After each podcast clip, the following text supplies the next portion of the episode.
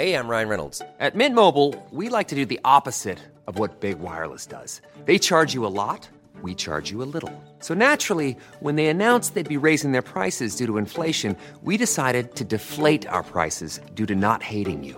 That's right. We're cutting the price of Mint Unlimited from $30 a month to just $15 a month. Give it a try at mintmobile.com slash switch. $45 upfront for three months plus taxes and fees. Promo rate for new customers for limited time. Unlimited more than 40 gigabytes per month. Slows. Full terms at mintmobile.com.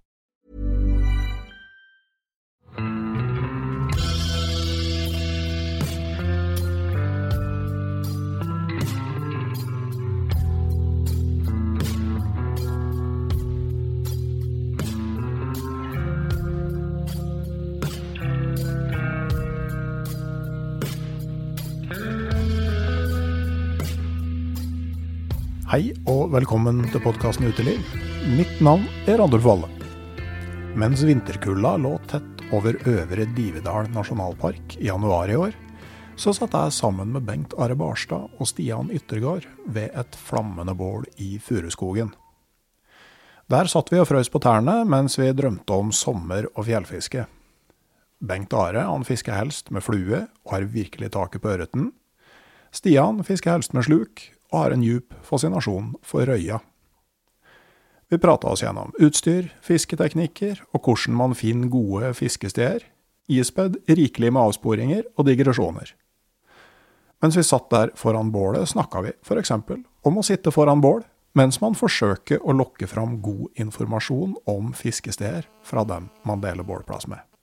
Noe med det å skaffe seg kunnskap. Det handler jo litt om det som skjer rundt sånne leirbål som det her i fjellet òg. For at hvis du treffer den riktige typen folk og får tilbrakt en kaffekjele eller tre, så kan det jo foregå litt utveksling av informasjon. Ja, problemet der er, har jeg hatt litt dårlig erfaring, skal jeg innrømme. Ja. Jeg hadde jeg har hatt noen hotte tips av sånne lokalhelter jeg har møtt i fjellet flere ganger, og de har aldri holdt stikk. Ja, jeg har samme erfaringer, faktisk. Ja. Ja, At du blir sendt på villspor. Blitt sendt til 1000 brødrevann. Ja. Ja. Men uh, dere da, når dere har gitt sånne tips, har dere gjort akkurat det samme, eller?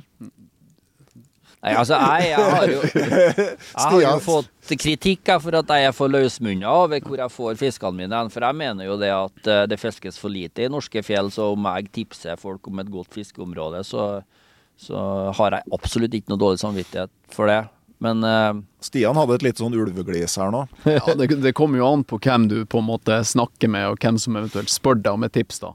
Nei, jeg har et tjuvtriks der fra alle sånne småvatt, små, småhemmeligplasser som jeg har. Jeg har jo noen sånne Det kaller jeg vatnene heter for Lomvatnet, og elven heter for Likkjelva. Ja. Så da sier jeg Likkjelva mi i Lierne. Og det er noen elver som heter Likkjelva, men det er ikke dem, altså. Nei. Lomvatnet er jo Det er jo I alle, alle kommuner og fiskeområder så finnes det som oftest vann som heter Lomvatnet, og det er jo som ofte sånn lita kjønn som lomen hekker på. Det er jo derfor de heter Lomvatnet.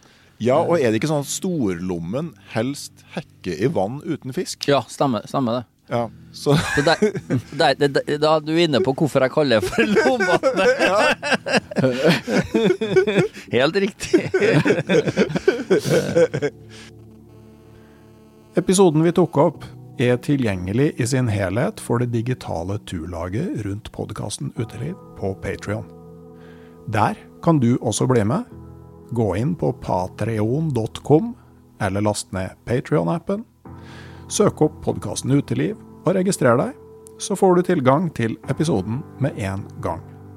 Samtidig gir du et bidrag som hjelper til å holde podkasten Uteliv i gang. Det ligger også link til Patrion i episodeinfo. Om du ikke ønsker å bli med i turlaget på Patrion, så er det sjølsagt også helt greit.